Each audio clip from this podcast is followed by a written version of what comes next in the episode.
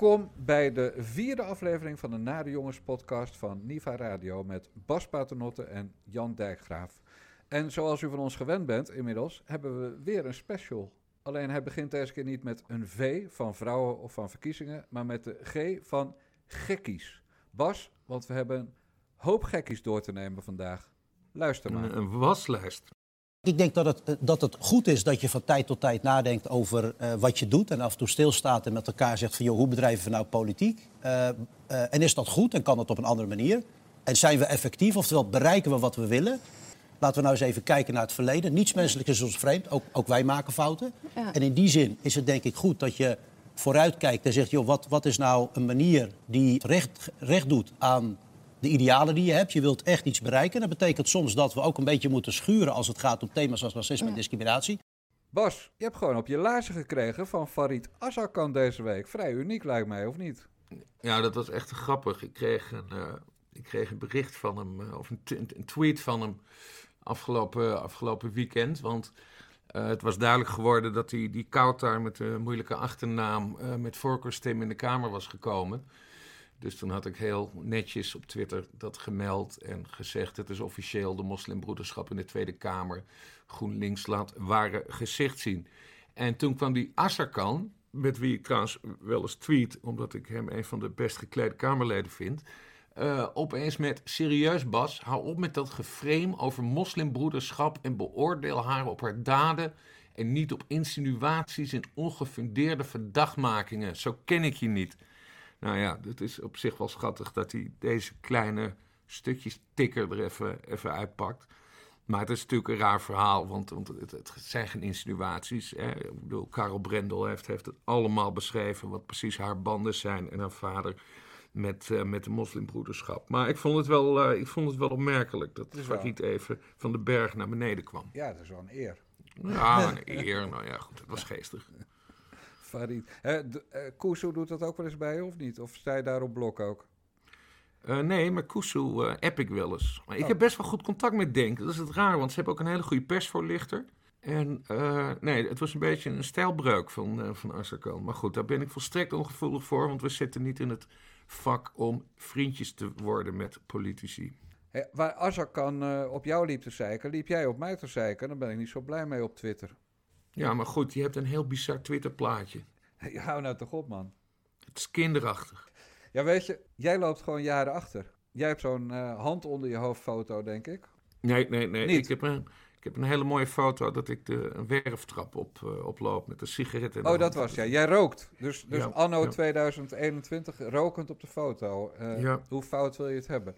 Nee, maar die avatar, dat, dat is juist, dat is modern, Bas. Dat kan ik je uitleggen. En dat jij achterloopt, dat was al bekend. Dat je, dat je eigenlijk geboren bent als 50-jarige. Maar ik moet ook heel eerlijk zeggen dat, dat ik zelf ook begin achter te lopen. Want ik dacht dat ik wel aardig op de hoogte was van alles wat er speelt in de wereld.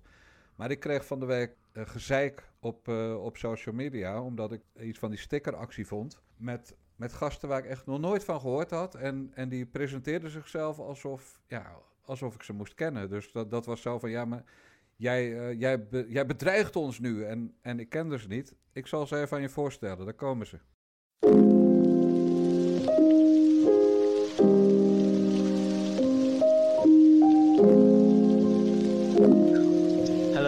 welkom bij de podcast. Ik ben Nathaniel, uh, 21 jaar en ik mag niet stemmen, want ik heb een paspoort. Maar hier met mij vier andere mensen die wel hebben mogen stemmen en ook allemaal gestemd hebben. Uh, willen jullie even voorstellen? Uh, ja, ik ben Tim, ik ben 23 jaar en ik heb GroenLinks gestemd.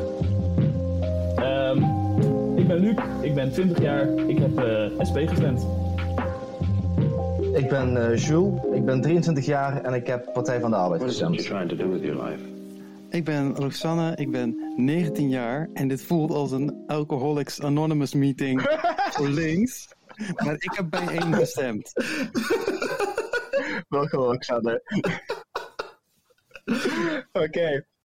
Wat, wat zijn, zijn dit millennials? Ik heb er ook nog nooit van gehoord, maar zijn dit millennials? Wat, wat, wat, wat de fuck is dit? Ja, ik weet niet of millennials niet net een, een graadje ouder is, maar ja, dit, dit zijn dus kinderen met alleen maar een voornaam en een leeftijd en, uh, en een heel hoog hi-hi-hi gehalte. En, en ze zijn links, hè, want dat hoor je aan wat ze stemmen. Het stemt van, van bijeen tot PvdA. En PvdA vinden ze dan eigenlijk belachelijk. Dus het zijn kleuters, maar het zijn de gasten van Broodbuis. En dat schijnt een website te zijn van allemaal linkse mensen. Een beetje, ja, beoogde geen stijl voor links. En als je dan op die site gaat kijken, staan er nul video's op. Een paar podcasts, een stuk of vier. Dus wij hebben ze eigenlijk eh, in, in vier weken al ingehaald. Al ingehaald. Ja, en, en de stukjes die ze erop tikken, want dat doen ze ook, dat zijn er ongeveer één per maand. Dus het is een, een volstrekt uh, belachelijk en onbekend clubje. Maar op Twitter zitten er wel een stuk of dertig van die gasten. En ze hebben allemaal alleen maar een voornaam of een fake naam. Ja, en die gaan dan uh, heel erg los op het moment dat je zegt dat Hubellenmakers of die, die mevrouw van Nadia Boeras. Van de Universiteit Leiden. Je weet wel, die extreemrechtse universiteit van Cliteur. Precies, ja. maar die gaan dan heel erg los als je zegt van... Nou, eerlijk gezegd vond ik de bedreigingen in de tijd van Metro... toen Theo van Gogh werd vermoord dat jaar... vond ik toch iets erger dan een paar lullige stickertjes van vizier op links op, je, op je deur. En dan, ja, dan, dan gaan deze mensen die gaan, gaan ten eerste roepen dat je die stickers goed vindt. Terwijl je dan de dag daarvoor al hebt gemeld, belachelijk die stickers. En vizier op links moet normaal doen. Die uh, scoopjes over extreem links tuig, die zijn prima. Maar je gaat niet mensen thuis intimideren. Dat heb je dan al geroepen. Maar toch gaan ze dan uh, helemaal op je los alsof je en, en ook Huub zelf uh, zou zo bij broodbus of broodbuis, broodkast, weet ik het, uh, kunnen. Want die ging ook roepen dat, dat ik hem nu de moord uh, op Van Gogh in de schoenen schoof. Terwijl die toen echt nog aan de borst van zijn moeder hing. Maar, maar dat tuig, ja, dat, dat, dat tuig wat gewoon echt alleen maar... ze gaan natuurlijk ook werkgevers bellen. Nou hebben wij gelukkig als, als zelfstandigen geen werkgevers. Maar bijvoorbeeld mijn grote vriend Ahmed Arad die, die faciliteert met BackMe, faciliteert die uh, vizier op links. En dat betekent dat hij het donatieplatform is wat zij gebruiken. Ik las trouwens uh, dat ze daarmee gestopt zijn, toch? Ja, ja, dat klopt. Ja, want Ahmed die, uh, die heeft ze uh, ter verantwoording geroepen over die stickers. En die kreeg geen antwoord, geloof ik. En, en die zegt, ja, ik wil wel communiceren met mensen die gebruik maken van mijn platform. Maar wat, wat er dan wel gebeurt, is dat ze Ahmed, die gewoon ook werkgevers heeft, hè, want hij, hij werkt als consultant in, uh, in de IT voor bedrijven. Ja, dan gaan ze mm -hmm. gewoon zijn werkgever bellen, mailen. En dan gaan ze melden dat deze fascist eruit geflikkerd moet worden. Ja, dat niveau hebben we het over bij dat broodbuis. Ik word, zo, Uber, ik word er zo. Uberdeugdjeugd. Is het, uber, het is een soort. Het is, het is deugdtieners, want ze zijn dus jonger dan millennials. Ja, ja, dat klopt. Maar wat is uh, deugen in het Duits, weet jij dat? Dan maken we er meteen even een mooie Duitse term van. Oh, dat is trouwens wel een goeie. Ik weet niet eens of de Duitsers wel zo'n term kennen. Deugdjugend. Teuk, teukjugend. Ja, dat, dat, gaan we, dat gaan we wel even opzoeken tijdens uh, uh, de muziek die we vandaag hebben. maar je kent, jij kent ze ook niet, hè, denk ik. Nee, nee, nee en, ik, en dat ik, hoorde nu, ik, hoorde nu voor het, ik hoorde nu voor het eerst van. Ja, maar dat is het punt wat ik wil maken. Wij moeten wel zorgen, Bas, dat we bijblijven. Dus als jij gaat lopen etteren over mijn, uh, mijn AVA, waarop eigenlijk uh, een, het enige wat, uh, wat niet klopt is dat de nek van die AVA dunner is dan mijn eigen nek. Want mijn eigen nek is ongeveer net zo dik als mijn onderkin. Maar verder, ik blijf bij met zo'n AVA. En, en het bewijs daarvan is dat jij broodbuis niet kent. Is dit een coherent verhaal of niet? Ja, je bedoelt dat we, of althans dat ik misschien buiten de maatschappij sta. Jij vooral, ja. Meer dan ik nog. Ik bedoel, ja. ik ken de broodbuis ook niet, geef ik eerlijk toe. En ik ben ze inmiddels ook alweer vergeten, moet ik eerlijk zeggen. Want het is een volstrekt irrelevant clubje links deugdtuig. Deugdjugend. Uh, maar... Nee, ik heb het daar trouwens al opgezocht, hè. Want het is, Duits is natuurlijk good mention. Ja. En dus dan betekent dat de, de deugdjeugd in het Duits Good Jugend. Good Jugend, ja. Good Jugend. Ja, dat klinkt ook wel goed fout. En een, een AVA-sticker uh, op, je, op je groene jasje en uh, je hoort er helemaal bij, denk ik. Ja, craziness, craziness. Ja, ja want weet je, er was een, een jaar of tien geleden... Uh, was er een, een vereniging in Nederland. Hè? En om even aan te geven hoe, hoezeer wij de voeling met de maatschappij kwijt zijn. Maar er was een vereniging en die heette Martijn. En dat heeft kort geleden geleid tot een oprichting, soort of soort van oprichting, want ze deden niet echt mee aan de Tweede Kamerverkiezingen. Uiteindelijk is er nu een soort politieke beweging waar ook weer deze viespeuk achter zit. Ik vind de actie van Hagenaar Henk Bres ongepast. Ja, erg agressief. En ik ervaar heel veel agressie altijd. En dat voedt alleen maar de agressie. Want het gaat hem er niet echt om dat de Vereniging Martijn niet mag bestaan. Wij mogen helemaal niet bestaan. In 2006 zei hij van ik moet me inhouden, want ik ben in staat ze te vermoorden. En ze moeten levenslang opgesloten worden en gecastreerd. En het is zoveel agressie en haat en het is allemaal tegen ons. Dat wij, ja, hij kan er niet tegen wat wij ons uitspreken. En ik vermoed, zoals bij bijna iedereen die zo hysterisch reageert, dat hij zelf allemaal seksuele stoornissen heeft die onderdrukt en afreageert. Henk Bres is zoals verwacht niet erg onder de indruk. Maar moet ik hier dan werkelijk serieus op reageren op zo'n hersenloze arbeid? Dat is toch ongelooflijk. Die ken je dus wel, Bas, want dat is de beroemde Martijn Uitenboogaard. En die heeft 14 jaar geleden, of nee, sorry, die heeft in 2014 uh, is zijn, uh, zijn vereniging verboden. Een burgerinitiatief van uh, mijn grote vriend Henk Bres was dat. En ik was daar wel heel erg voor. Nou, ik zal je vertellen. Ik heb in 2014 in de Volkskrant een petitie ondertekend. Samen met die schrijver Doutsenberg en Arno Gunberg deed mee. En nog wat, nog wat mensen. Het staat volgens mij nog wel ergens online. Want ik was, ik was namelijk heel erg tegen het verbieden van die vereniging. Om twee redenen. Als uh, vrijheid van meningsuiting fundamentalist uh, vond ik dat ze tot op zekere hoogte hun verhaal moeten kunnen vertellen. Maar belangrijker, en dat heb je dus ook zien gebeuren. Door het verbieden van die vereniging dwing je die pedo's, waar ik verder helemaal niks mee heb, uh, ondergronds te gaan. En zo is het ook gegaan. Want nu worden ze vervolgd omdat ze die vereniging ondergronds hebben voortgezet. En dat is precies waarom ik nou tegen dat verbod was. Want dan had je ze veel beter in de gaten kunnen houden. De Hoge Raad zei daar destijds van dat, het, uh, dat die club uh, kinderen in gevaar bracht. Ja. En dat vind ik op zich wel een heel goed argument. En dan kan je inderdaad zeggen, ik vind de, de, uh, jouw argument zwaarder wegen. Maar ja, jij hebt ook geen kinderen. Ik denk, het zou toch godverdorie je kind zijn wat, uh, waar zo'n viespeuk... Al staat, zit hier maar naar te kijken, al zit hier maar plaatjes naar te, van te bekijken. Ja, je wil ze echt een bal afdraaien en dan, dat is dan een nette variant, hè? Nou ja, maar het is allemaal ook van een walgelijkheid. Alleen, ik, ik heb het dus meer benaderd vanuit... Je moet, ze, je moet ze in de gaten houden. En dat kun je het beste doen door ze gewoon aan het woord uh, te laten. En, en dat ze daarna ook nog eens die partij zijn begonnen... Ja, dat is natuurlijk allemaal ja. onzin, want niemand gaat stemmen op maar het is, het is natuurlijk wel meer dan het, uh, dan het, uh, het woord verkondigen dat, dat het zou moeten kunnen. En, en het is inmiddels trouwens zijn de doelstellingen wat verbreed hè, van die club. Want toen ging het om kinderen. En inmiddels gaat het ook om seks met dieren en seks met dooien. Dat vinden ze ook allemaal heel normaal. Ja. Nou, seks met doden mag toch op een bepaalde manier van vet Ja, dat vindt gra Grapperhaus. seks met doden is eigenlijk niet goed. Maar de minister van het CDA die vindt het niet strafbaar. Want nee. dat is inderdaad wel heel bizar. Dus eigenlijk uh, liep Martijn, dan, Martijn Uiterbogaert dan uh, uh, voor op de muziek. Want inmiddels vindt Grapperhaus het ook prima. Nee, dat is natuurlijk bullshit. Grapperhaus die heeft een kutsmoes waarom hij het niet strafbaar wil stellen. Maar wat ik eigenlijk wilde zeggen, ben ik nu kwijt. Godverdomme. Nee, wacht even. leg, leg even uit wat die kutsmoes van Grapperhaus is, want dat, dat, dat, weet ik niet meer.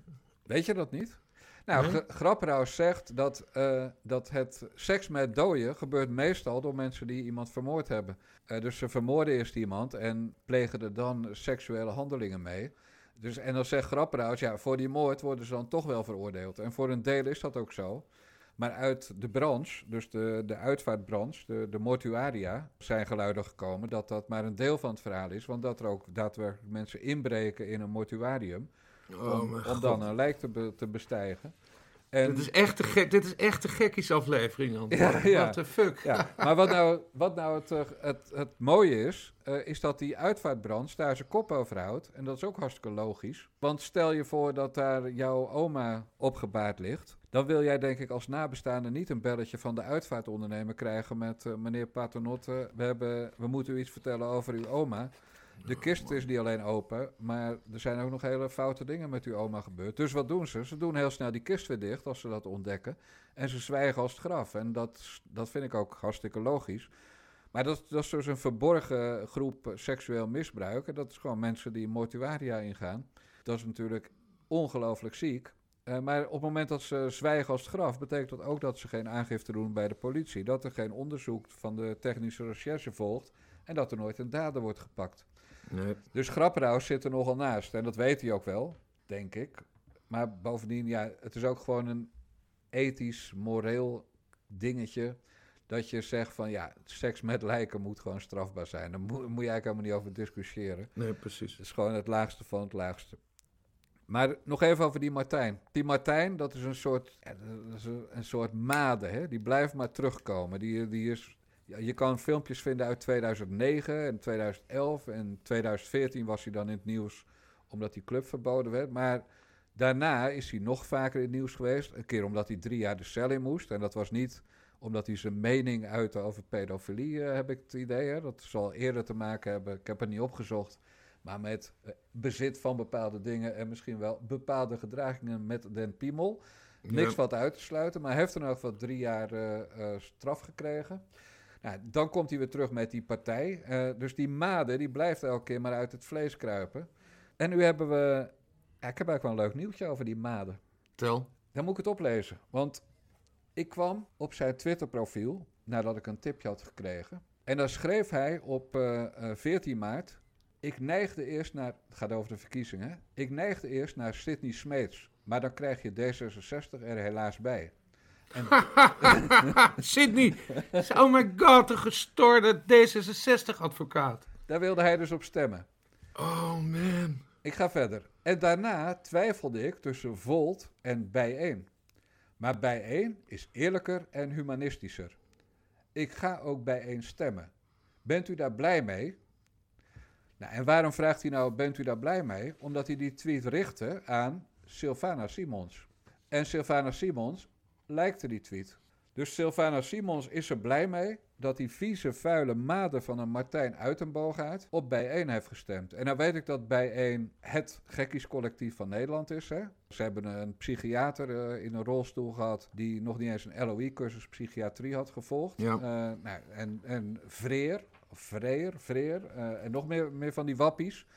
Maar je bent toch niet blij als die vuile, vieze smeerpijp van een Martijn Uitenboogaard op je stemt? Nou, Sylvana Simons toch dan wel. Maar we gaan nog verder. Nee, wacht even, want ik heb eerst nog een vraag. Zou, zou Sylvana Simons wel weten wie Martijn Uitenboogaard is? Jij denkt toch niet dat zij dat niet weet? Iedereen in Nederland die zich in het politieke discours begeeft, weet toch wie Martijn Uitenboogaard is, of niet? Ja, Maar bovendien, hij had ook een heel epistel op zijn website geschreven over bijeen en waarom hij het zo'n geweldige uh, club vond. Maar ik weet niet of ze dat gelezen heeft, moet ik eerlijk zeggen. Maar je moet, als je gaat lijken, altijd weten wie je lijkt. Of je krijgt gezeik met de nare jongens. Die dat dan uh, ontdekken en die erover gaan lopen zeuren. Dat je zit te lijken dat die vieze vuile smeerpijp jou, op jou gestemd heeft. Mag Ja. ik verder of niet? Ja, ga maar door. Ja, want eh, hij schrijft ook nog op Twitter, die Martijn Uiterboog gaat. Quincy Gario heeft mij geblokkeerd trouwens, zie ik nu.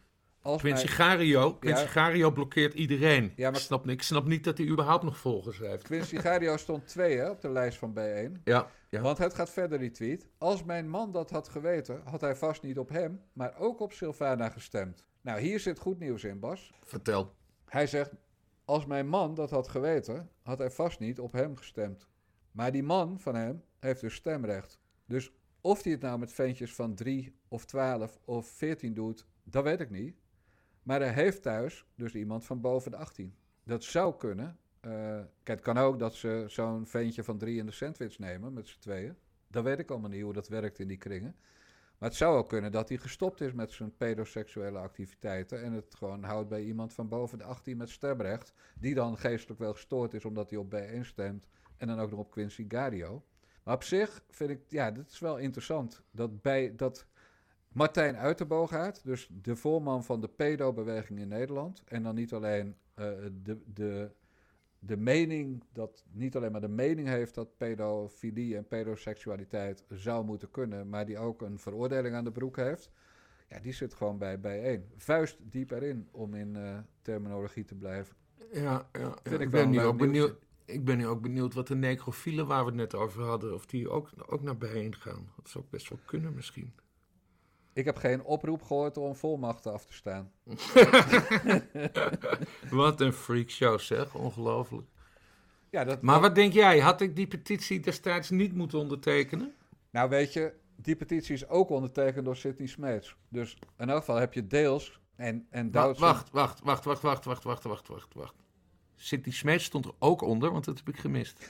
Ja, Sidney Smeets was destijds uh, niet de advocaat van Martijn Uiterboog, of van de vereniging Martijn. Maar hij zat wel als deskundige in diverse programma's. Ik heb dus samen met Sidney Smeets een petitie ondertekend.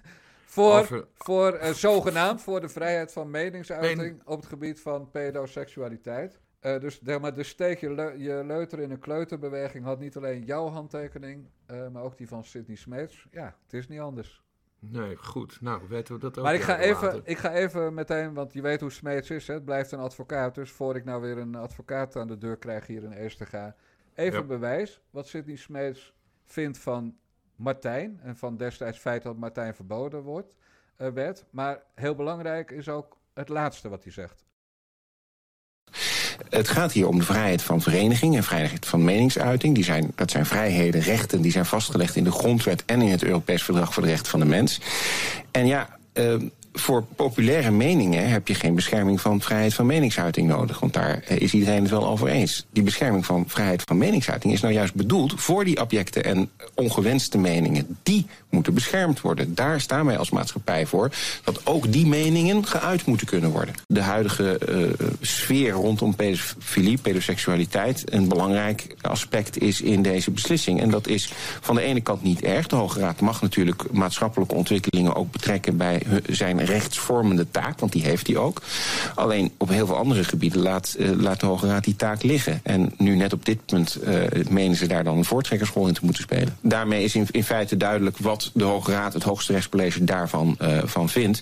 Wat natuurlijk wel de vraag is, is of deze uitspraak niet de deur opent naar mogelijke verbodsbepalingen of het verbieden van andere organisaties. En nogmaals, bijvoorbeeld de PVV lijkt me een heel logisch volgend doelwit. Jemig de pemig. Dus, dus hij wilde daarna de PVV aanpakken. Dus, dus, dus de pedo's beschermen, de PVV aanpakken. Dit is wel heel bizar. Ja, zo rolt Sidney Smeets. Dat is toch raar denken? Ik, ik, ik snap niet eens hoe je erop komt. Nee, kijk, het is grappig dat je aan de ene kant zegt... Uh, ik zet mijn handtekening naast die van Bas Paternotte en Doutsenberg... en Arnon Grunberg en meer van dat volk... om uh, de vrijheid van meningsuiting ultiem te beschermen. Maar nu dat toch niet meer gebeurt, omdat die vieze pedo's wordt aangepakt... moet ook Geert Wilders maar verboden worden en zijn beweging. Ja, ja dat zegt hij, ja. Jouw, uh, jouw, zeg maar, jouw handtekeninggenoot, jouw vriend... Ja, ja, maar die Smeets, die werkt dus voor Spong. Binnenkort niet meer, ja. denk ik, omdat hij dus uh, de Kamer in gaat. Uh, en Spong heeft namens een Italiaanse maffiabaas... toen Ronald van Raak, SP-Kamerlid, inmiddels weg uh, proberen aan te pakken. En vervolgens zei het Openbaar Ministerie van... nee, nee, nee, meneertje Spong, hier gaan we niet in, hier gaan we niet in mee. Maar Smeets, die is dus ook daar partner of, of die werkt voor, voor Spong. Dus het, het, het, het is wel allemaal heel erg raar...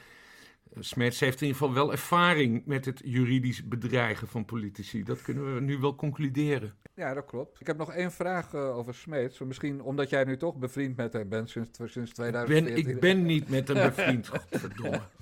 Maar nu jij, nu jij toch samen met hem uh, allerlei petities ondertekent.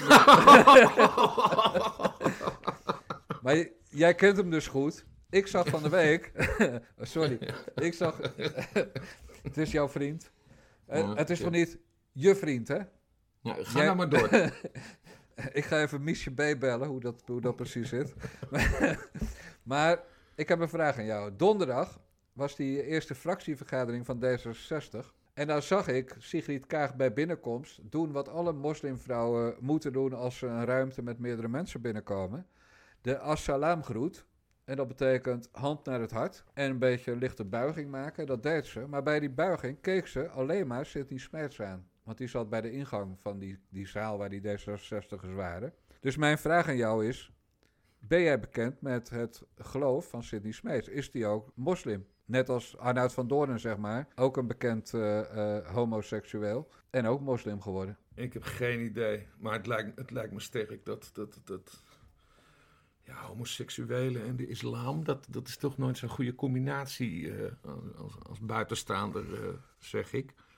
Maar dat, ze, heeft dus een, ze heeft dus een soort, soort, soort, soort moslimgroet gedaan. Een soort, de moslimgroet, de, de vredesgroet uit de islam. Ik heb me daar, eh, toen ik dat, dat filmpje zag... Uh, ik heb ook al in een briefje van Jan vandaag een linkje naar die foto uh, gezet. Want je moet altijd bewijs hebben als je mensen van dingen beschuldigt. Geen reden om te beschuldigen, maar als je dingen zegt over mensen moet je het bewijzen. Dus ik, uh, ik heb daar een screenshotje van gemaakt en zij doet uh, assalaamgroet. Uh, en dat is de vredesgroet die moslims doen als een moslimvrouwen doen in elk geval. Als een, want om de handen schudden mag namelijk niet. Het gaat nu even niet om Kaag, hè, of dat nou een hele of een halve moslim is of, of echt nog katholiek, wat ze in elk zinnetje benadrukte de afgelopen campagne. Maar het gaat om die Smeets. Als jij die groet doet en je buigt naar Smeets, dan suggereert dat dat Smeets misschien wel een moslim is geworden. Dus ik, ik vroeg me alleen maar af, Bas. Ik, het was verder geen, geen stelling dat dat zo is. Maar ja, jij kent je vrienden goed. Dus of jij het wist, dat was eigenlijk alles.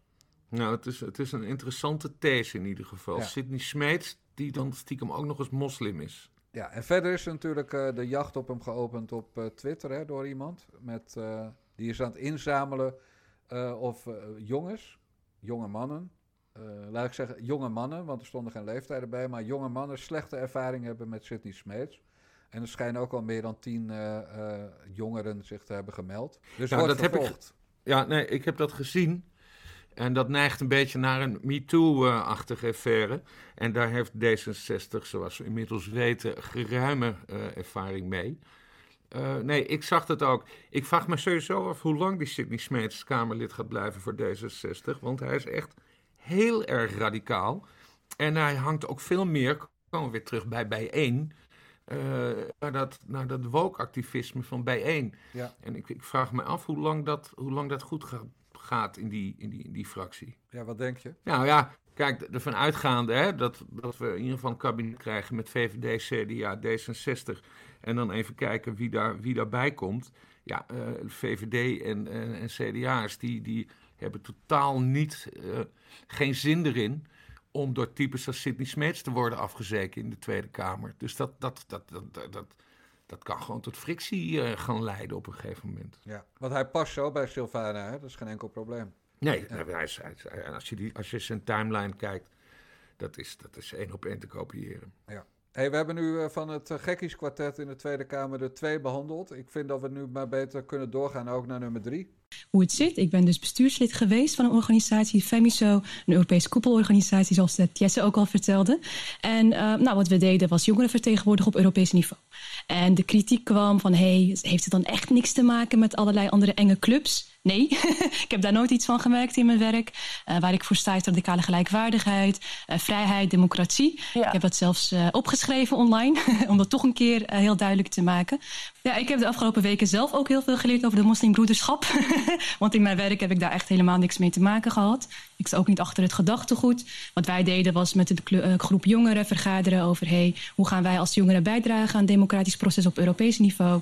Dat heb ik één jaar gedaan, in 2016 ook een aantal maanden. En that's it. Ja, want de kogel is eindelijk door de moskee. Uh, er werd heel blij getwitterd door GroenLinks-figuurtjes... Uh, uh, dat de moslimbroederschapsmeisje met voorkeurstemmen in de Tweede Kamer zit. Ten koste van... Nou, dat, dat, dat is trouwens nog niet zeker. Paul Smulders, dat is een vertrouweling van Jesse Klaver, die keert niet terug. En mevrouw Kreuger, die keert ook niet terug. En dat komt weer door de voorkeur, uh, voorkeurstemmen van of Lisa Westerveld, of dat geldt voor hun beiden. Uh, je hebt twee hooggeplaatste GroenLinksers die niet terugkeren. En dat komt omdat uh, mevrouw Kout haar moeilijke achternaam en Lisa Westerveld beide met voorkeurstemmen de Kamer in zijn gekomen. Ja. Maar goed, de moslimbroederschapsmeisje. Hoe erg is het nou echt? Ik vertrouw ervoor geen meter. Hè, we hadden het er net al even over in het kader van, uh, van mijn andere goede vriend Farid Azarkan. Uh, die banden met de moslimbroederschap zijn gewoon aangetoond. En misschien is het een heel aardig meisje, maar je weet niet of het, hè, wat Geert Wilders altijd graag mag zeggen, of het, of het takia, hè, takia is. Ja. Dus dat ze dat, je, dat je mag liegen als het in de baat is van, uh, van de profeet en de islam en de, en de weet ik veel uh, wat. Uh, we, moeten, we moeten vooral haar stemgedrag in de gaten houden. Als er bijvoorbeeld wordt gestemd over ethische onderwerpen of over, over hè, zijn we terug bij seksualiteit. Ja, buitenlandse financiering van moskeeën. Exact. Uh, dan moeten we kijken of zij uh, tegen, tegen haar eigen fractie gaat, uh, gaat stemmen. want als ze dat niet doet, ja, dan, dan kun je je natuurlijk wel weer afvragen van in hoeverre probeert ze de Nederlandse politiek als moslimbroederes te infiltreren. Dus nee, daar ben ik heel erg benieuwd naar wat, wat haar persoonlijke stemgedrag gaat, gaat worden. En dan weten we het snel genoeg. Helder. Maar voor we wegens uh, Sylvana Simons voor racist worden uitgemaakt, wegens Smeets voor homofoob en wegens Koetar, want zo heet ze, voor islamofoob, wil ik toch ook even het vierde lid van het Gekkies kwartet bij introduceren. Kijk, er zijn weer wat eh, berichtjes en dingetjes. Ik denk, als je het allemaal ziet, het meeste vind je ook in normale sportapps, buurtapps, uh, studentenapps. Grappen, provocerende opmerkingen, ja, een beetje borrelpraat. Dus als er bij ons zo'n appje gebeurt, dan is het ineens groot nieuws. Maar als het ergens anders gebeurt, dan is dat helemaal niet groot nieuws. We hebben het al eerder gehad over de jongeren van de VVD en CDA. Die maken de hele dag dit soort grappen, gaan nog veel verder dan dit soort dingen. En dat komt niet, daar maak je geen item over, dat, komt niet op het 8 uur journaal. Dit is selectieve verontwaardiging. Freek Jansen, ja hoor, daar is hij. Freek, de, de, de, echt, oh, die Freek Jansen. Kijk, eigenlijk is er al genoeg over Freek Jansen gesproken. We weten dat hij niet deugt. We weten dat hij al die, al die appjes en, en toestanden door de vingers heeft, eh, heeft laten zien, uh, laten gaan. Uh, maar die, die hele fractie van Baudet, dat is volgens mij een, een freak show. Je hebt ook die Pepijn van Houwelingen, die, die heeft een roman geschreven over, over dat het Derde Rijk op zich wel tof was. ja, ja. Je, moet, je moet trouwens nooit mensen op hun roman beoordelen, vind ik. Want eh, weer, hè, vrijheid van meningsuiting, dat is een literaire exercitie. Misschien meent hij het helemaal niet. Maar het is natuurlijk wel allemaal wel heel toevallig dat het allemaal weer zo bij Baudet samenvalt. Waar serieuze problemen zijn met antisemitisme en, en, en nazi, nazi-dingen. Die Freek Jansen vind ik trouwens nog veel enger. Dat was twee jaar geleden, geloof ik. Ik heb daar toen nog een keer een opname van op Twitter gezet. Hij heeft toen een toespraak gehouden bij die, uh, bij die, die jongeren van de FVD. En toen zei hij dat, dat wat was dat weer? Oh ja, porno en Netflix, dat, dat, dat ondergraaft onze samenleving. Ja, jezus jongens, porno en Netflix, wat, wat, wat is daar nou weer op tegen? Wat wil hij dan? Nou ja, geen porno en geen Netflix. Maar Netflix heeft er ook gewoon docus? Ja, maar ja, mogen we niet mag, zien. Mag allemaal niet van Freek. Mag, mag allemaal niet van Freek. We moeten, Freek nummer 7. We moeten met gekamde haartjes, scheiding rechts, arm recht vooruit, bakje chips op, uh, op schoot, moeten we naar een van de acht gaan kijken van hem of zo. Ja, zoiets, ik weet het niet. Even Bas, jij bent ook onze mode-expert hè? Althans. Ja. Wat vind jij van jongens van de leeftijd van Freek Jansen die lederhozen dragen? Hoe, hoe moeten we dat duiden? Ja, dat, dat was. Ik heb die foto's ook gezien. Maar dat was op een of ander uitje of zo. Ik, ik heb ook wel eens op een of andere... In mijn studententijd heb ik lederhozen gedragen. Ik ben ook wel eens als vrouw verkleed geweest. Oh mijn god. Ja, ga door. Oh. Ga door. nee, maar goed. Op een vuifje, zo'n verkleed vuif, dat is, dat, is, dat, dat is wel geestig. Ik weet niet of we hem op die lederhozen moeten, moeten afrekenen.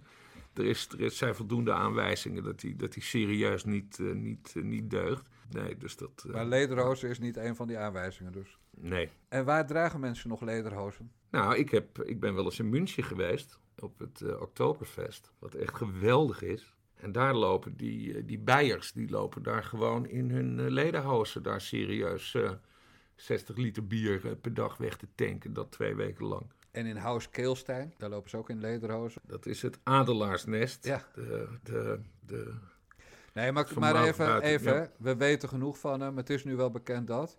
Maar is het nou een antisemiet of is het geen antisemiet? Nou, ik denk, ik denk, ik denk van wel.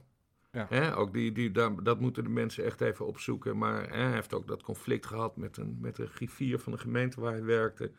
En daar zei hij allemaal nare dingen over, over, over het economisch ja, hoe heet dat, het economisch bestuur van, uh, van Adolf Hitler en zijn, uh, zijn consorten. Kijk, het, het, het deugt gewoon niet. Het is, het is gewoon, het, het, je ruikt, er hangt, een, er hangt een bruin geurtje omheen.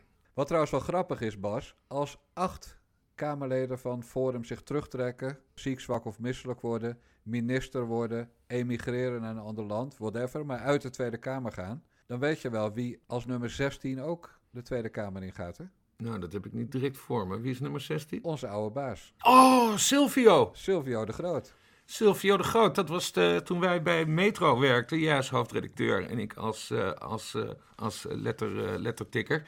Toen was Silvio onze uitgever inderdaad. Geweldige uitgever. Ja, nou, we hebben toen toch heel veel succes gehad met Metro. En ik vond, ik vond hem ook niet onsympathiek. Ook al herinner ik me wel dat hij een keer tegen een ober heeft geschreeuwd. Maar ik weet niet of ik er zelf bij was of dat jij dat mij hebt verteld. Maar dat hij, dat hij een vork was vies. En dat hij toen helemaal uit zijn plaat ging. Hij houdt van, van rust, reinheid en regelmaat.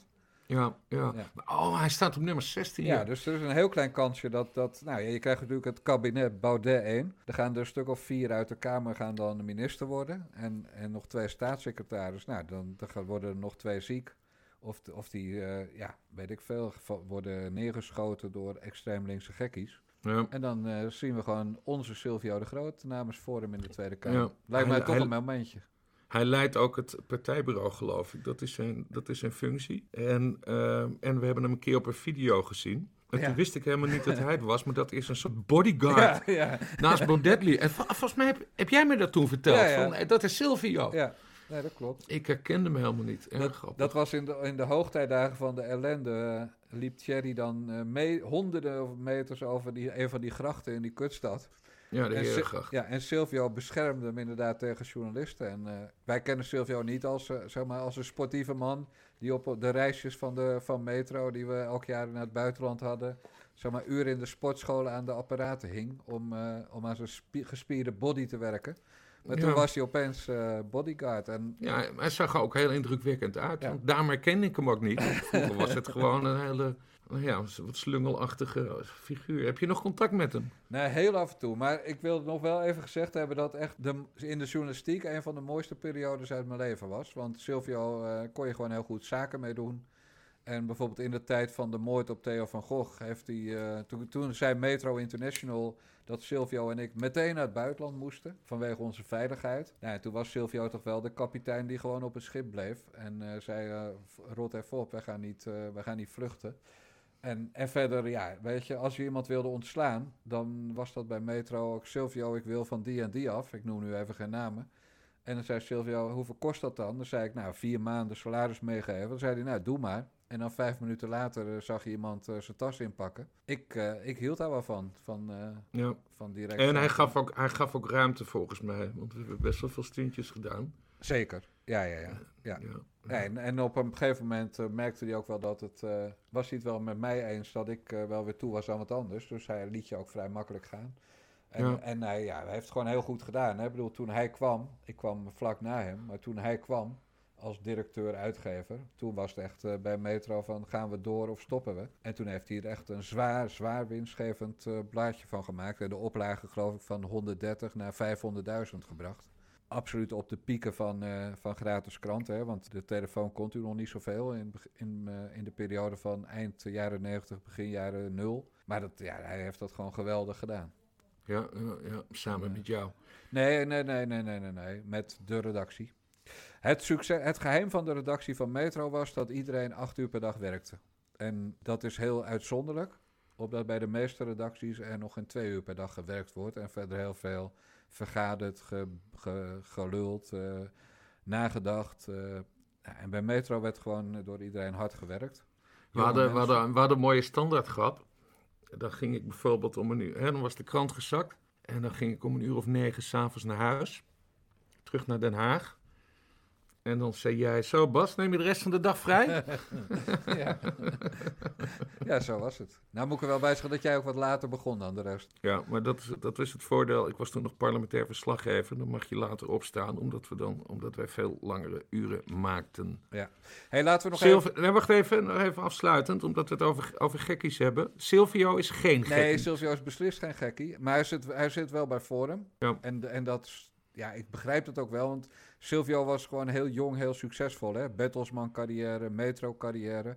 Uh, dus op een gegeven moment, als je dan uh, tegen de 40 loopt en je, je bent eigenlijk wel klaar met werken, dan, ja, dan, ga je toch een keer aan zingeving doen. En die heeft hij blijkbaar gevonden bij Forum. Ik vind dat wel grappig en ik moet blijf zeggen dat het een geweldige uitgever voor mij was om mee te werken. Er waren ook best wel wat mensen die hem niet mochten, maar uh, ik heb geweldig met hem gewerkt. En dat hij altijd wat rechts op de hand was, dat is ook geen nieuws. Ik bedoel, dat, dat wisten we ook wel. Maar hij heeft natuurlijk ook toegestaan dat Theo van Gogh werd aangenomen. Terwijl Theo van Gogh een erkend lastpak voor kranten was, waar hij voor werkte en tijdschriften. Dus ja, dat soort dingen kon daar allemaal. Ja, dat, dat vond, ik, uh, vond ik wel tof. Maar ik wil nog even naar Van Haga. Want Van Haga is dus bijna net zo groot als Baudet qua aantal stemmen. Heeft dat nog gevolgen? Nou ja, je hebt, je hebt nu allemaal mensen die zeggen van, uh, hè, ervan uitgaande dat Baudet een narcist zijn. Wat hij prima zou kunnen zijn, maar misschien is het ook niet. En dat hij dit heel ergelijk zou vinden. Uh, die man, ik heb, ze, ik heb bijna al die campagne-evenementen heb ik bekeken, want die werden allemaal gestreamd. Ik heb het idee dat die, uh, die als Baudet en Van Haga heel goed met elkaar kunnen samenwerken. En dat het in dit geval, ook al zou Van Haga meer uh, voorkeurstemmen halen dan Baudet. Het, het, verschil schijnt nu 2000 te zijn en het voordeel van Baudet. Vrijdag horen we het definitieve oordeel. Uh, ik zie daar niet echt hele grote problemen ontstaan. Nee, maar wat zegt het? Dat zoveel mensen op de nummer 2 stemmen? Sowieso dat Baudet minder populair is door de gebeurtenissen van afgelopen maanden. En twee, dat moet je ook niet vergeten, Van Haga is het meest zichtbaar geweest in de uh, verschillende debatten over de aanpak van het coronavirus. Hij is Mr. Corona van Vorm voor Democratie. Ja. En die mensen die daar dus moeite mee hebben met, met, met het beleid van het coronavirus, die zien dus heel veel wieberen van Haga. En dan snap ik wel dat hij ook een, eh, een paar, uh, of dat hij ook een bonus uh, pakt. Maar het is, wel, het, het is wel waar natuurlijk, het ligt heel erg dicht bij elkaar. Wat misschien een beetje vreemd is, maar het gaat niet tot verschrikkelijke consequenties leiden. Ik wil nog even kwijt waarom ik Van Haga niet moet. Vind jij dat erg, dat ik er een persoonlijke noot in gooi, of kan het gewoon?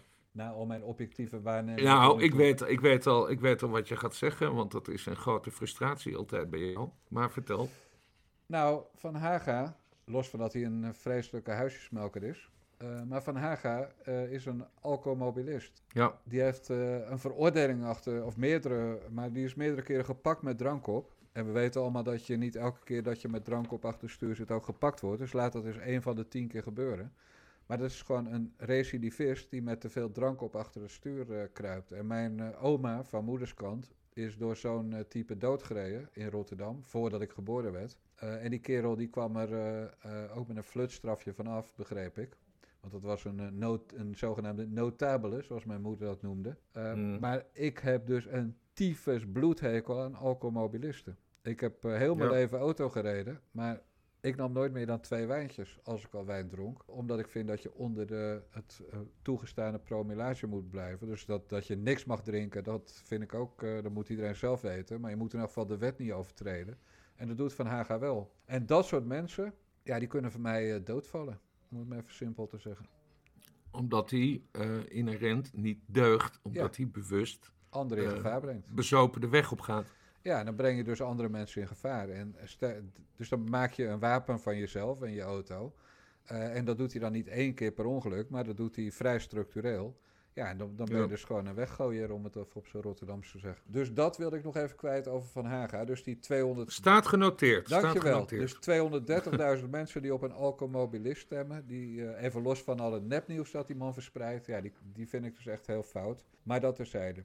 hey, jij had het net, uh, jij gebruikte net het woord takia.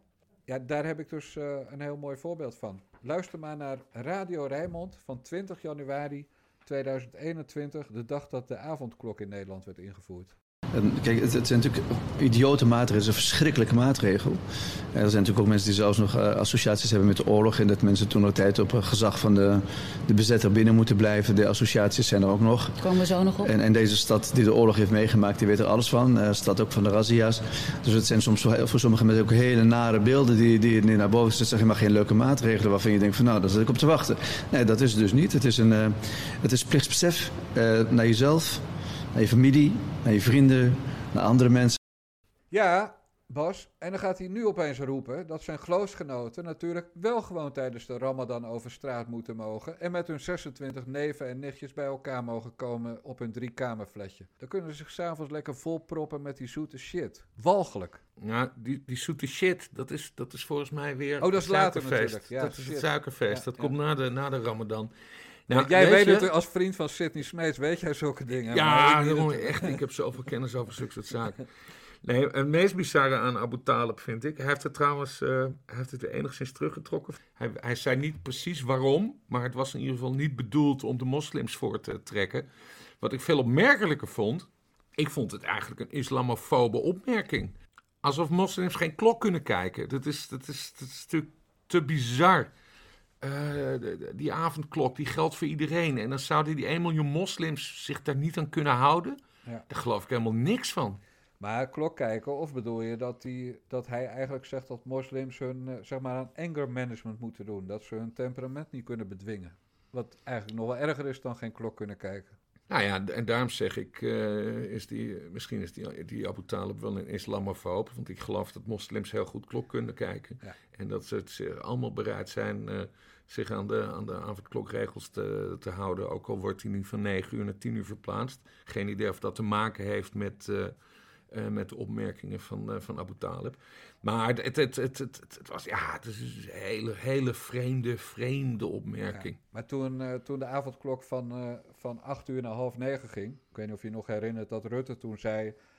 Na negenen heeft het echt geen zin meer als je, als je om na negenen begint. Hij moet echt om negen uur beginnen, uiterlijk. En nu gaat hij dus gewoon naar tien. Dus na negen heeft geen zin meer, is, was weer een leugen van Rutte, begrijp ik. Ja, dat was echt een eikpunt. Ja. Dat, dat, dat, hij wekte ook de indruk, Rutte, dat dat wetenschappelijk onderzocht was. Van, vanaf 9 uur uh, tot 9 uur. Vanaf 9 uur werkt de avondklok goed. Als je een uur later begint, dan is het effect weg. Nou ja, en nu wordt hij toch een uur later. Ik ben sowieso tegen die avondklok, want het is de meest debiele maatregel van het, van het hele coronapakket. Er zijn, er zijn echt, je kan gebiedsverboden invoeren, je kan, je kan hè, de, straten in de gaten houden, je kan mensen wegsturen als het druk is. Maar zo'n avondklok, dat, dat grijpt me veel te hard in, in mijn, in mijn persoonlijke, ja, noem je dat je je persoonlijke vrijheid. En daar ben ik nog niet eens zo van dat ik graag buiten kom en mensen ontmoet en weet ik veel. Maar, maar het, het, het, gaat me om het, het gaat me om het principe. Het is, bah.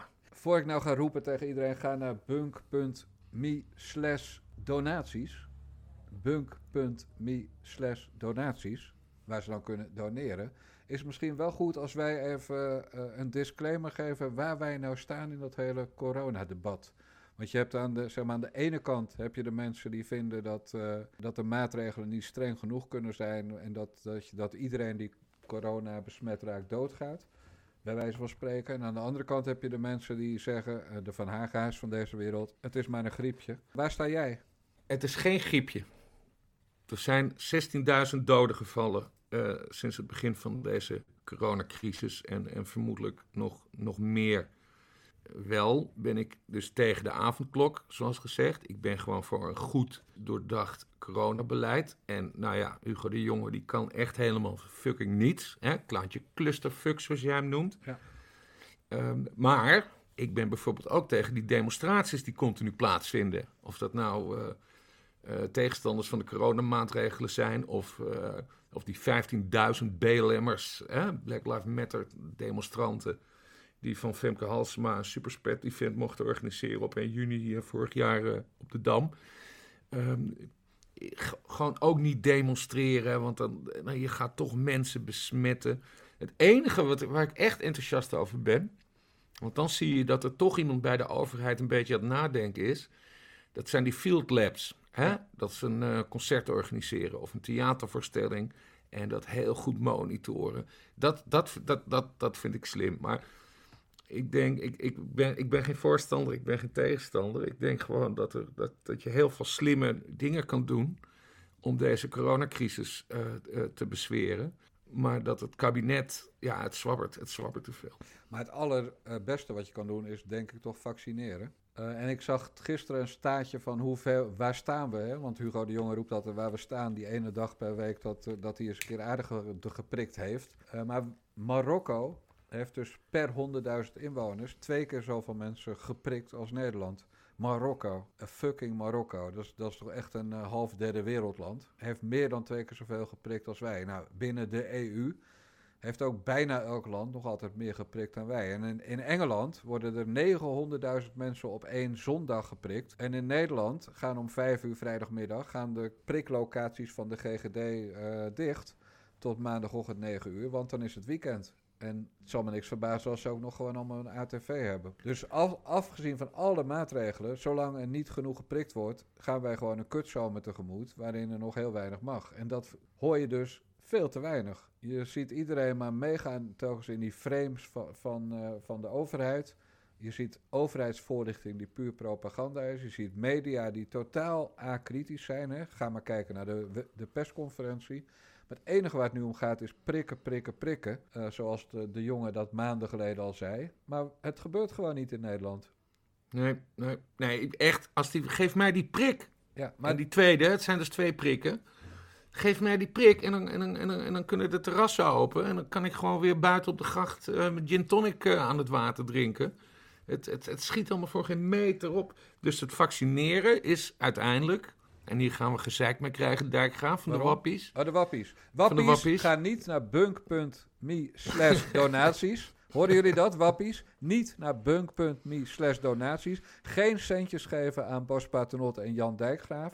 Want wij zijn voor vaccineren. Exact, dat is het hele punt. En hoe sneller, hoe beter, wat mij betreft. En nu nog één ding. Hugo de Jonge wil terug in Rutte 4. Heeft hij gewoon uitgesproken. Zag geen enkele reden waarom dat niet zou kunnen. Dat Hugo de Jonge teruggaat in, terugkomt in Rutte 4. En ik denk dat het gewoon gaat gebeuren. Hè? Want niemand wil die, die manke portefeuille van hem overnemen. Hij werkt zich te blubber, dat is op zich waar. Dat is ook het enige wat je moet nageven. Maar het is toch ongelooflijk dat er verkiezingen zijn geweest en dat het ook weer gaat gebeuren. Nou, ik weet helemaal niet of hij terugkomt. Ik bedoel, het is, uh, hij straalt ook slecht af op het kabinet hè, met zijn... Het is zo'n quizmaster mannetje. Ja, het is Rolf Wouters. Ik weet niet of ja, nog... exact. Ja, het, Is, het, is, het is Rolf Wouters en, en, en hij praat te lang en, en, en het, gaat, het is een zelfkikker. Ik weet helemaal niet of hij terugkomt. Misschien, misschien gaat het niet eens naar het CDA, maar gaat het naar... Uh, uh, naar de, dat we een, minister van Volksgezondheid van de VVD krijgen. Ja, maar je bent toch gek als je die positie neemt voor de coronacrisis uh, is opgelost? Nou ja, het is een moeilijke portefeuille, maar als je het wel weet aan te pakken, dan ben je gelijk de held. En die zou dan uit de VVD moeten komen. Dylan. Nee, nee, nee, niet Dylan. weet je wie leuk zou zijn om terug te... Hoe heet ze alweer? Hennis? nee, oh, ze is al eerder minister van Volksgezondheid geweest. Schippers. Ze schiet... Edith Schippers. Ja, dus uh, de, de beoogde premier die de VVD niet krijgt. Nee, maar die, dat zou ik mooi vinden als die, als die het hele coronadossier uh, te handen ja. Ja, die zou het wel kunnen. En die heeft ook zakelijke belangen om het allemaal goed te doen.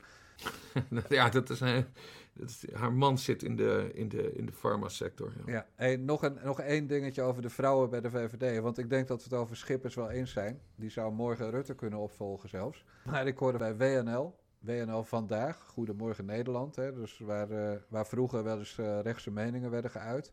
Dan hoorde ik dat Bente Becker inmiddels uh, een een van de twee kroonprinsessen van de VVD is. Dus je hebt uh, Sophie Hermans. Ja. Uh, daarvan wisten we het al. Maar Bente Becker werd vanochtend voor het eerst genoemd als uh, de andere beoogde opvolger van... nou, niet zozeer van Rutte, maar van Dijkhoff mogelijk. Die zou het kabinet ingaan, nog een vier jaartjes warm draaien en dan een echte positie krijgen. Mark Harbers hè, wordt ook genoemd ja, precies. als... ja. nee, maar, maar, over de vrouwen, dan werd, Be werd Bente Becker opeens op het schild gehesen. En dat betekent, en ik vind dat goed nieuws, dat de campagne Kakelkip tegen Dylan uh, goed heeft gewerkt. Dus die, die ordinaire mevrouw uit Amsterdam, die zo hard zit te gillen altijd over het aanpakken van tuig en uh, terug naar hun eigen land, dat soort kreten, terwijl de VVD die portefeuille heeft, ja, die is dus gewoon gepasseerd. Uh, Bente Becker ging erop en erover. Ja, ja. Jessie, Jessie, Jessie Al die moeilijke achternamen. Wat is het met al die moeilijke achternamen in, in, in deze kamer de hele tijd? Dylan gewoon.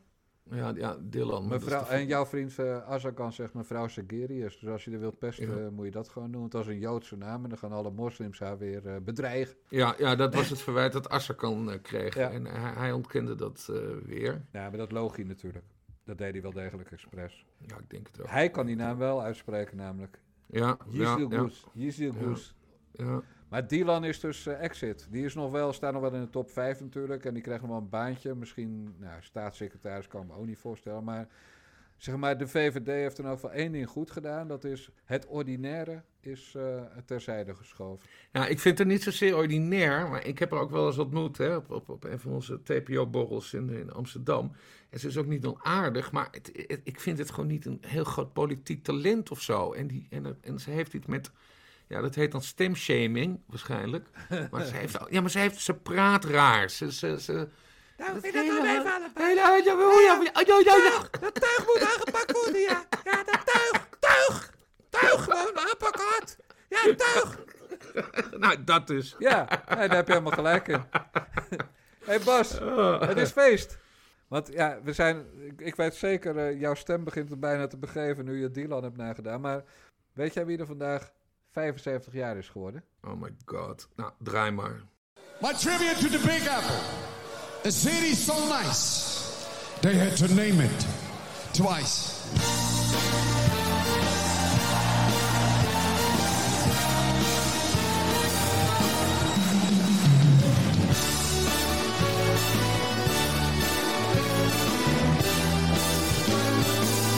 Start spreading the leaves. You know I'm gonna leave today. And I want to be a part of it. New York, New York. Jesus, Lee Towers. Echt, de, de, de poor man's Frank Sinatra. Geen muziek, Dirk Graaf. Ik heb het nu al drie afleveringen gezegd. Nee, uh, je hebt ook wel een punt. Want ik heb totaal geen verstand van muziek. Maar dat dit zo vals was als een kraai, dat kan ik zelfs horen. Dus Lee moet het niet meer doen. Maar Lee Towers, Leenhuizer, de, eh, de man die nooit kraammachinist was bij Verolmen in, uh, in Bolnes. Uh, maar dat was een goed, goed verhaal. Het narratief kraammachinist, hij, hij was gewoon monteur. Over zijn moeder weet ik ook nog dingen, want mijn vader woonde schuin tegenover de familie Towers op Oud-IJsselmonde. Hmm. Maar over de doden niet zo goed, dus dat gaan we hier niet vertellen. Ja, maar wacht even. Hij was geen kraammachinist. Nee, ik ben, ik, ben, ik ben nu 44. Ik hoor nu pas dat Lee Towers geen kraanmachinist was. Nee, dat klopt. Nee, Lee Towers die werkte wel bij Verolmen en daar hadden ze wel kranen, hijskranen, maar hij was gewoon monteur. En hij heeft, uh, hij heeft ongetwijfeld wel eens in een ding gezeten, maar het was niet zijn beroep. Maar jij wist wel dat Femke Merel van Koten van de Zwarte Kousenkerk was? Of is dat ook weer nieuws voor je als ik dat je nu vertel? Nee, dat is ook nieuws voor mij. Waar, ik weet echt, niemand vertelt me nooit wat Dijkgraaf. Wat, wat is dit nou? Wie is nou onze parlementair verslaggever? Wie heeft er nou verstand? Ik ben, ik, ik ben geen parlementair, ik ben geen parlementair verslaggever. Ik was parlementair verslaggever en ik ben nu meer op, op afstand aan het beschouwen en heb nog enige contacten in het Haagse. Nou ja, Femke Merel Arissen, komt dus uit een, uh, uit een Kees van de Staaij-achtige omgeving. En dat verklaart bijvoorbeeld haar werklust. Hè, want uh, die mensen zijn nooit te beroerd om uh, te werken op, het, mm. op het aardse, tijdens het aardse leven. Ook omdat er later misschien een beloning tegenover staat. Maar dat, dat is dus een feit. En dat merk je geen reet van als ze in de Kamer zit, moet ik eerlijk zeggen qua standpunten. Want ze, ze, was best wel linksig. Het is wel grappig, want ze komt dus voort uit de Partij voor de Dieren. Ja waar de partijtop uh, tot voor kort uh, uh, zijn en waren. Ja. Maar daar heb je, je hebt het ook nooit aan, aan, aan hun gemerkt, volgens mij. Nou, nou ja, nee, maar dat zijn meer zoals Jehovah's getuigen stiekemers, hè? Ja. En, en SGP'ers niet. Ik bedoel, bij SGP'ers zie je het wel. En, en behalve neef Elbert, die buiten het potje piste doen ze dat ook niet zo. Uh, nou, ik weet niet of die nog in het potje zat trouwens, dus dat mag ik zo niet zeggen. Maar die, uh, die ging, ging scheiden, wat, ja. niet, wat niet zo goed valt in die kringen. En heeft nu een relatie met Tamara van Aarde. Ja, die wordt door, door Azarkan dus ook weer altijd structureel met een andere naam aangeduid. Hè? Is je dat ook wel eens opgevallen? Of nee. je weer nieuws vertellen? Noemt hij de dijk, Dijkgraaf dan? Nee, hij noemt mevrouw Vernooy of zoiets. Verlooy of Vernooy. En dat is ongetwijfeld de naam van de ex-man. Oh. Uh, dus mevrouw Vernooy van Ark. Ik weet niet precies of Vernooy klopt, maar dat is in elk geval de, de klank. En ik heb het niet opgezocht. Maar dan noemt hij ook weer bewust niet bij de naam die ze zelf wenst te voeren. Dus dat is vergelijkbaar met dat ik Sigrid Kaag uh, Sigrid Alkak zou noemen. Ja. Doe ik ook wel eens. Maar... Misschien moet ik mijn, mijn beeld van Farid Azarkan gaan bijstellen. Het is gewoon tuig. Ja, maar dat vind ik dus niet. Ordinaire, maar... Nee, maar ordinaire man is het. Een straatvechtertje. Maar goed politicus. Maar het, is, het is geen gentleman, zeg maar. Nee, en, en je kan ook zeggen, hij doet het vooral bij vrouwen, hè, dat pestgedrag. Dus hij doet het bij Dylan. Uh, die, die, die, daarvan gebruikt hij de Joodse naam. Bij, uh, bij iemand die uh, met een SGP'er samen is, gebruikt hij expres de naam van de ex-man en niet de meisjesnaam die ze al lang weer voert. Dus ja, dat, dat is Azarkan. ja, dat misschien moet je dat. Ja, ja, dat is een tweemaal scheepsrecht. Ja, Toch? Ja. Dat zo Gaan we in de gaten houden, Dijkgraaf. Gaan we zeker doen. hey, gast, tot volgende week. Yes. Dit was de vierde aflevering van de Nade Jongens podcast van Niva Radio. Onze website is nivaradio.nl. Doneren kan op bunk.me slash donaties. Heb je tips? Wil je ons overladen met complimenten? Heb je gewoon wat te zeiken? Mail dan redactieassistente Naomi op redactie.nivaradio.nl